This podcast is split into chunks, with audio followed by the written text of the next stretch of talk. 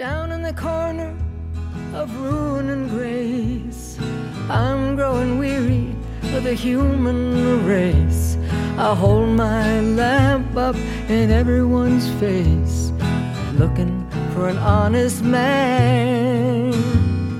Everyone's tied to the turning wheel. Everyone's hiding from the things they feel. The truth's so hard it just don't seem real. The shadows across this land. People around here don't know what it means to suffer at the hands of the American dream. They turn their backs on the grisliest scenes, traced to the privileged sons. Well, they got their gun They got their armies and the chosen ones.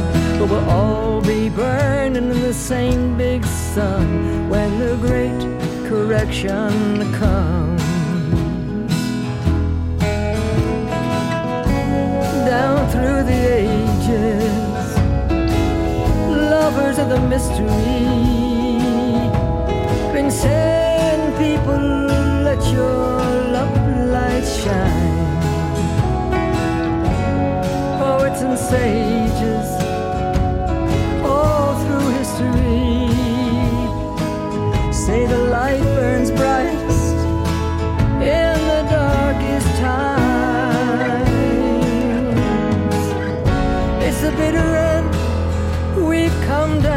Es la veterana cantautora Joan Baez en lo que es su último disco del año 2018 y parece ser que va a ser el último disco en estudio, según ella misma ha dicho. Bueno, pues vamos a hablar de un libro que lleva el título de La cuerda y la maza. Su autor es Jesús Ayestarán.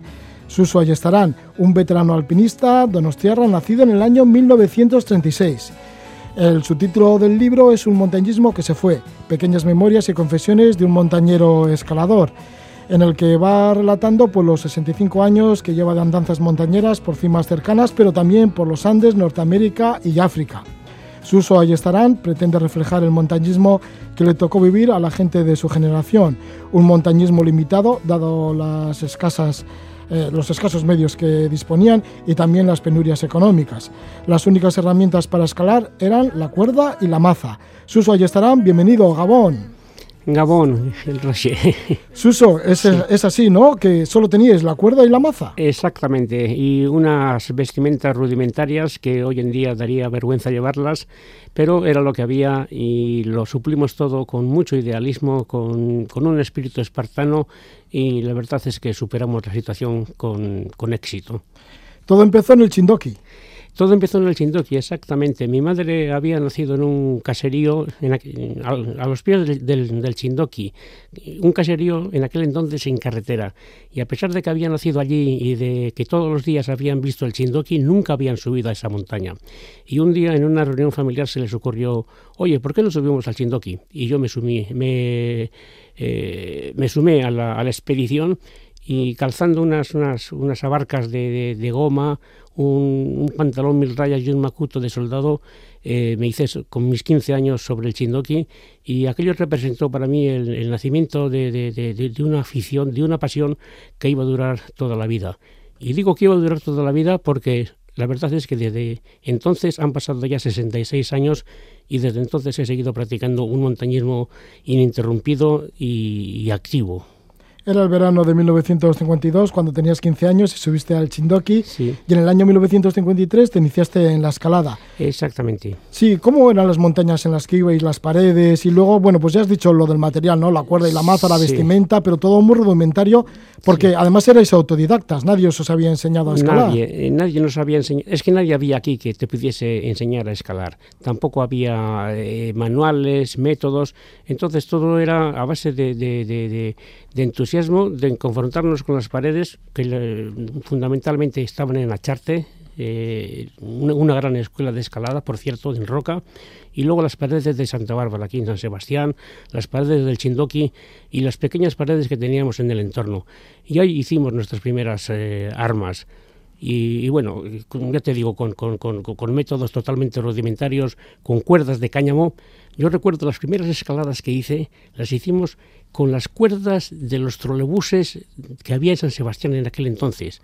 Eh, un, amigo mío tenía relación con los trolebuses y las cuerdas que ya las iban desechando ellos las cogíamos nosotros y con aquello nos iniciamos. No nos, no nos matamos porque Dios lo quiso.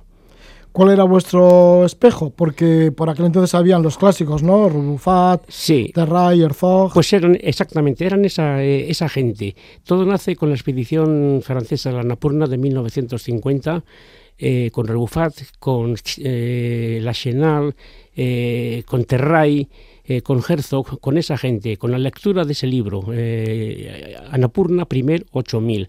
Ahí nace nuestra afición eh, a la montaña y a pretender hacer un montañismo un poco diferente de lo que se venía haciendo hasta entonces en el País Vasco, que era simplemente subir a las cumbres por las vías más, más, más fáciles. Nosotros empezamos a buscar la dificultad y de las montañas de aquí pasamos ya al Pirineo, porque lo teníamos enseguida, a mano, ¿no?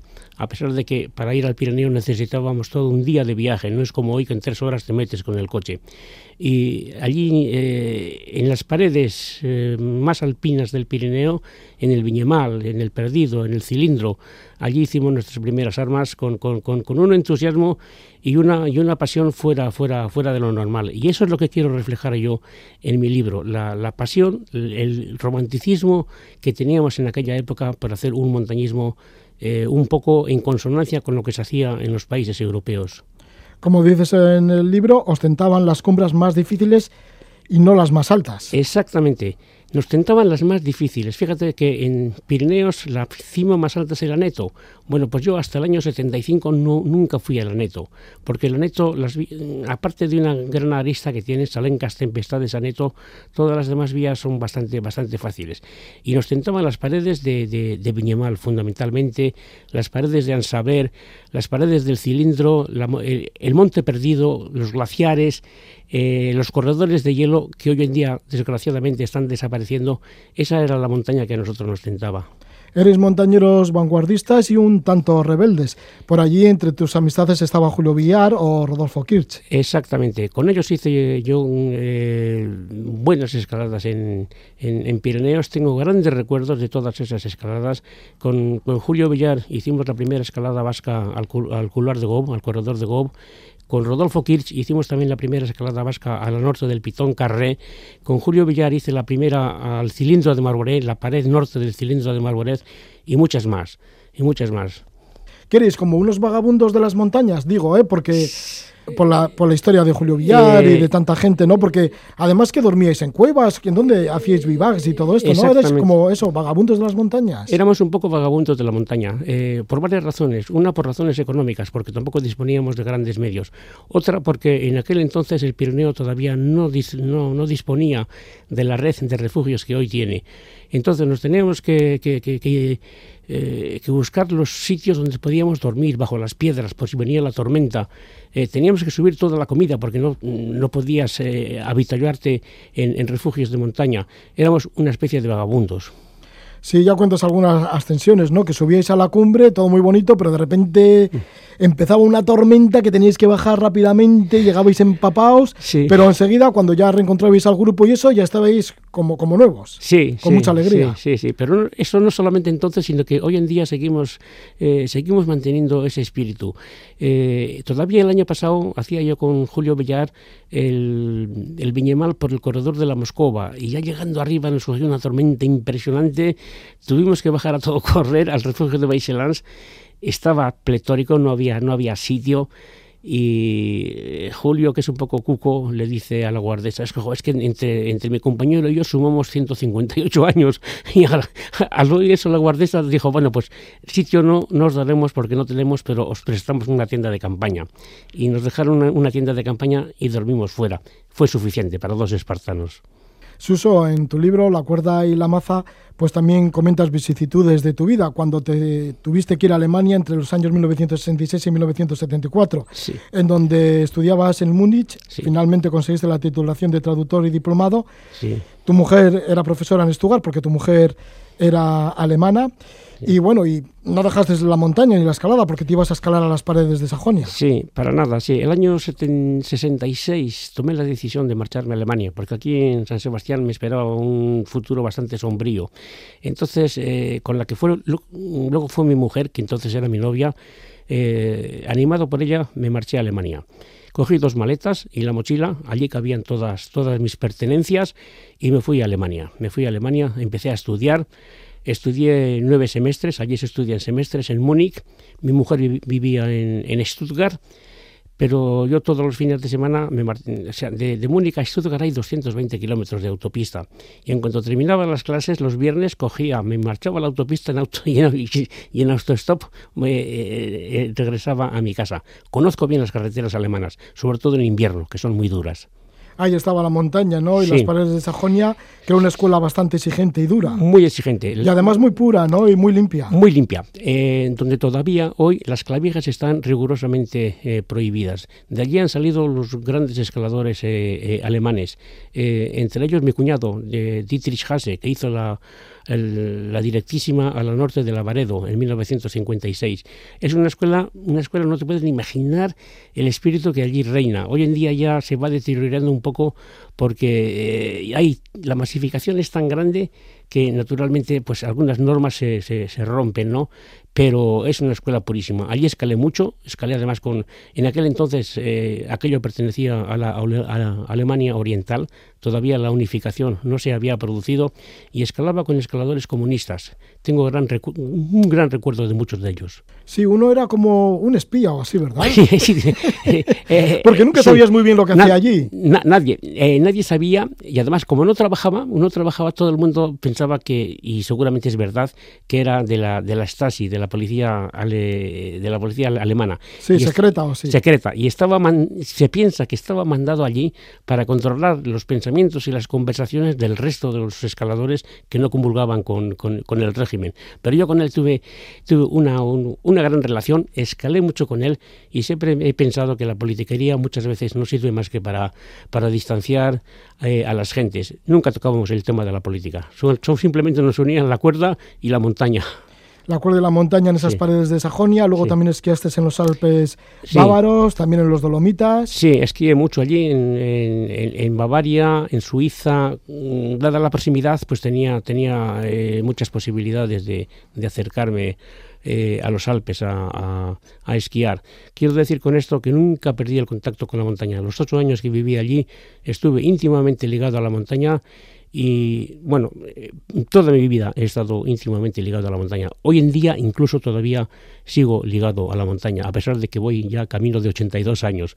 Paso todos los inviernos en, en, la isla de La Palma, eh, porque allí el clima es más, es más benigno y ya se sabe que el viejo busca el, el, el calor eh, y el vino de Rioja y allí paso todos los años tres meses y recorro toda la isla a pie con mi mochila en solitario y la verdad es que, eh, bueno, eh, eso es lo que me mantiene con vida. Siguiendo con tu, tu, biografía, vamos al verano del año 1972. Sí. Durante las vacaciones viniste de Alemania a Donosti sí. y allí te reencontraste con Julio Villar tras siete años de noveros. Y es que además Julio Villar venía de dar la vuelta al mundo en el minúsculo Mistral, este velero con el que dio eso, pues eh, la circunnavegación al globo sí, terráqueo sí. y luego escribió el magnífico libro de Petrel. Exactamente. Es que cuando yo me marché a Alemania, el año 66, Julio había tomado la decisión de marcharse a los Alpes para, eh, eh, para vivir allí. Y tuvo un accidente en montaña. Tuvo un accidente en montaña y como consecuencia de ese accidente se echó a la mar. Se echó a la mar, dio la vuelta al mundo, tardó cuatro años en dar la vuelta al mundo. El accidente de montaña le llevó como un año en hospitales y así, Exactamente, ¿no? sí, sí, y tuvo fracturas de, de, de eh, varias operaciones, incluso a corazón abierto, se le paró el corazón en una de las operaciones, le, le abrieron, le masajearon y le, y le, volvieron a la vida. Julio es como los gatos, tiene, tiene, tiene siete vidas. Y, bueno, el año 66 nos despedimos, él se fue a los Alpes, yo fui para Alemania y el año 72 nos volvimos a encontrar. Yo volví a San Sebastián a pasar unas vacaciones en casa de mis padres y él acababa de dar la vuelta al mundo. Y allí nos juntamos y nada más llegar em, nos marchamos a los picos de Europa. Nos marchamos a los picos de Europa y hicimos allí una serie de, de actividades eh, bueno, a nuestro estilo, ¿no? Eh, muy, muy, muy, eh, con Alfonso Alonso, que seguramente será un concepto para ti. Alfonso Alonso era un, un escalador santanderino que vivía en San Sebastián, tomó parte en la primera expedición vasca al Everest de la Chimis y este hombre era un aglutinante, un aglutinante extraordinario. Tenía una casa además en él era de Picos de Europa, tenía allí una casa y allí pasamos una temporada deliciosa escalando cómo tuvo que ser ese reencuentro ¿no? de Julio Villar después de dar la vuelta al mundo y tú de estar viviendo en Alemania y iros a los picos de Europa, reencontraros con la montaña y, y, con vuestro mundo, ¿no? Sí, la verdad es que... O sea que seguramente que fue un reencuentro con mucha energía. Sí, sí, sí. La verdad es que eh, Julio desde todas las estaciones donde recababa, en Barbados, en Hawái, me, siempre me escribía, me escribía una, eh, una nota, eh, una nota y el contacto en realidad nunca, nunca lo perdimos del todo. Eh, pero el contacto físico lo encontramos de nuevo el año 72, cuando los dos nos encontramos en San Sebastián. ¿Cómo erais la gente de aquel entonces? Bueno, ya estamos diciendo algunas cosas, que erais, de, que erais la vanguardia, que erais un poco rebeldes, que dormíais en donde pillabais y que no os importaban ni las tormentas ni nada. Pero luego, en cuanto, no sé, también románticos. Sí. Sí, sí, y, y, y, bueno, y luego todo eso que os contabais, porque venir de dar la vuelta al mundo, de, en un pequeño velero, que, no era normal, nadie lo había hecho hasta entonces en un pequeño velero nadie. tan pequeño, no, nadie había dado la vuelta al mundo. O sea, ¿qué, qué es lo que os transmitíais entre vosotros? Bueno, pues yo creo que era el, idealismo, el amor a la montaña, el, hacer cosas un poco especiales. Eh, a este respecto tengo que decir que este movimiento que tú comentas de que nosotros rompimos con el montañismo tradicional, eh, no es un montañismo que, solamente surge en San Sebastián. Curiosamente surge en las tres provincias vascas. Surge en Bilbao con la presencia de Ángel Landa, Pedro Daondo, eh, los hermanos Regil, eh, surge en Vitoria con Ángel Rosen, con Juan Ignacio Lorente, con Pechu eh. Eh, curiosamente, en esa misma época, en los tres sitios, es cuando surgen esos pequeños movimientos que luego dieron lugar a que se celebrase la primera expedición a los Andes, vasca a los Andes del Perú, que terminó muy mal por aquello de la Icurriña, y luego la... Iván Navarros también hay, ¿eh? Iván Navarros, sí, Feliu. Juan Mari Feliu. Juan Feliu, también, eh, también estaba allí, sí. Sí, es que en, es que en aquel entonces ese, este problemilla que hoy existe entre que si Navarra es Euskadi o no es Euskadi, entonces no existía. Entonces era la Federación Vasco-Navarra. Ahora está la Federación Vasca de Montaña y la Federación Navarra, por otro lado, ¿no? En aquel entonces éramos todos unos. Y eh, Pedro Chotegui, que fue el alma de aquella expedición, pues eh, pretendió que de cada provincia hubiese un, eh, un, montañero presente. Y entonces por parte de Navarra fue Juan Marifeliu. Fue una época feliz todo aquello. Digo, por lo que vas recordando en tu libro, ¿no? La cuerda y la maza. Sí. Porque dices que es una época irrecuperable, ¿no? Que ya nunca volverá. Yo creo que sí. Pero eso en realidad lo decimos todo, eh, todos los viejos. Los viejos se añoran a sus, a sus vidas. ¿Qué te voy a decir yo? El, el joven el joven sueña, pero el viejo, el viejo recuerda. Y entonces yo, como ya, soy un viejo, pues lo que hago es recordar y, añorar con nostalgia aquellos años que a pesar de todas las eh, eh, bueno, todas las eh, penurias que había, económicas y de todo tipo, fue una época feliz, realmente feliz. Yo la, yo, yo la, la, la añoro. Yo creo que hay que ser agradecido a lo que vivimos en aquella época aparte de los Pirineos, picos de Europa, los Alpes, las montañas alemanas y así, bueno, pues vamos a hablar también, y de esto también trata el libro, La cuerda y la maza, de lugares como el McKinley, la montaña más alta de todo Norteamérica, que fuiste allí en una expedición en el año 1998 y conseguisteis la cumbre. Sí, sí, fue el año 1998. El McKinley es una gran montaña, además tiene, eh, tiene el atractivo de que el paisaje nórdico eh, te capta la dureza del, del paisaje eh, nórdico, las puestas de sol, porque allí vas, a Alaska vas en junio, cuando prácticamente la noche no, no existe. El, sol se mete y al cabo de una hora vuelve, vuelve a salir de nuevo. El frío penetrante. Eh, fue una experiencia estupenda que, hice con, grandes montañeros de aquí del País Vasco, con con José Urbieta Tacolo, con Benancho Irureta, Azpeitiarra, con Manu Otermin, un gran corricalario de Amezqueta, y, bueno, eh, guardo un, gran recuerdo de aquella, de aquella expedición. Tacolo, que participó a la expedición Everest al año 1980, consiguiendo la cumbre Martín Zabaleta. Exactamente, exactamente, sí, sí. Sí, que también estaba gente como Xavier Erro. Xavier Erro, sí, Xavier Erro recientemente fallecido, hace unos días fallecido, una gran persona una gran persona que le, conocí bastante porque él tenía bastante relación con el Aconcagua. Él organizaba todos los años eh, en colaboración con Felipe Uriarte unos trekkings al, eh, a la Concagua y yo allí coincidí eh, alguna vez con él y charlé bastantes veces con él. una gran persona, Xavi, Xavier Erro. Sí, bueno, pues nuestro cariño hacia él.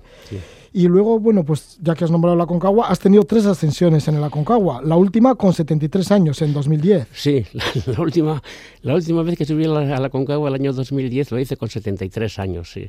Eh, bueno, pues eh, le tengo tanta querencia a, esta montaña porque tiene una profundidad de campo, tiene unos paisajes impresionantes eh, que, que, me encariñé con, con el Aconcagua y tres veces he estado, he estado en su cumbre.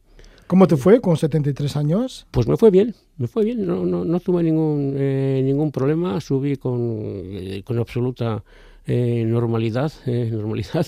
Incluso me acuerdo, porque hoy en día, la primera vez que estuve no había reconocimientos médicos obligatorios. Ahora tienes allí unos cuantos médicos argentinos que antes de lanzarte camino de la cumbre te hacen un pequeño reconocimiento y te miden pues las pulsaciones, el corazón, eh, el nivel de, oxígeno en la sangre, etcétera.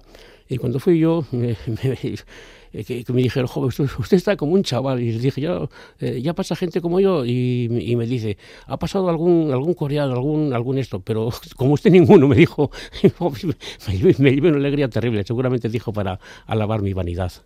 Además de la Concagua, bueno, pues has estado por los Andes peruanos, por los bolivianos, sí. efectivamente también por los argentinos. Por los argentinos, sí, sí. en México también. En México también he ascendido, en México, al Orizaba, que es, la, es el, volcán más grande de, Latino, de Latinoamérica, eh, una gran montaña, volcanes todos. Y, bueno, son, son, son, montañas, pero a la montaña no solamente hay que ir por, por, por hacer la cumbre, que es una... Eh, la montaña tiene muchas facetas enriquecedoras, no hace falta solamente hacer la cumbre. Puedes ir a México y puedes ver unos paisajes estupendos. Eh, o sea, el viaje no es solamente la montaña, el viaje son... La montaña son muchas cosas más.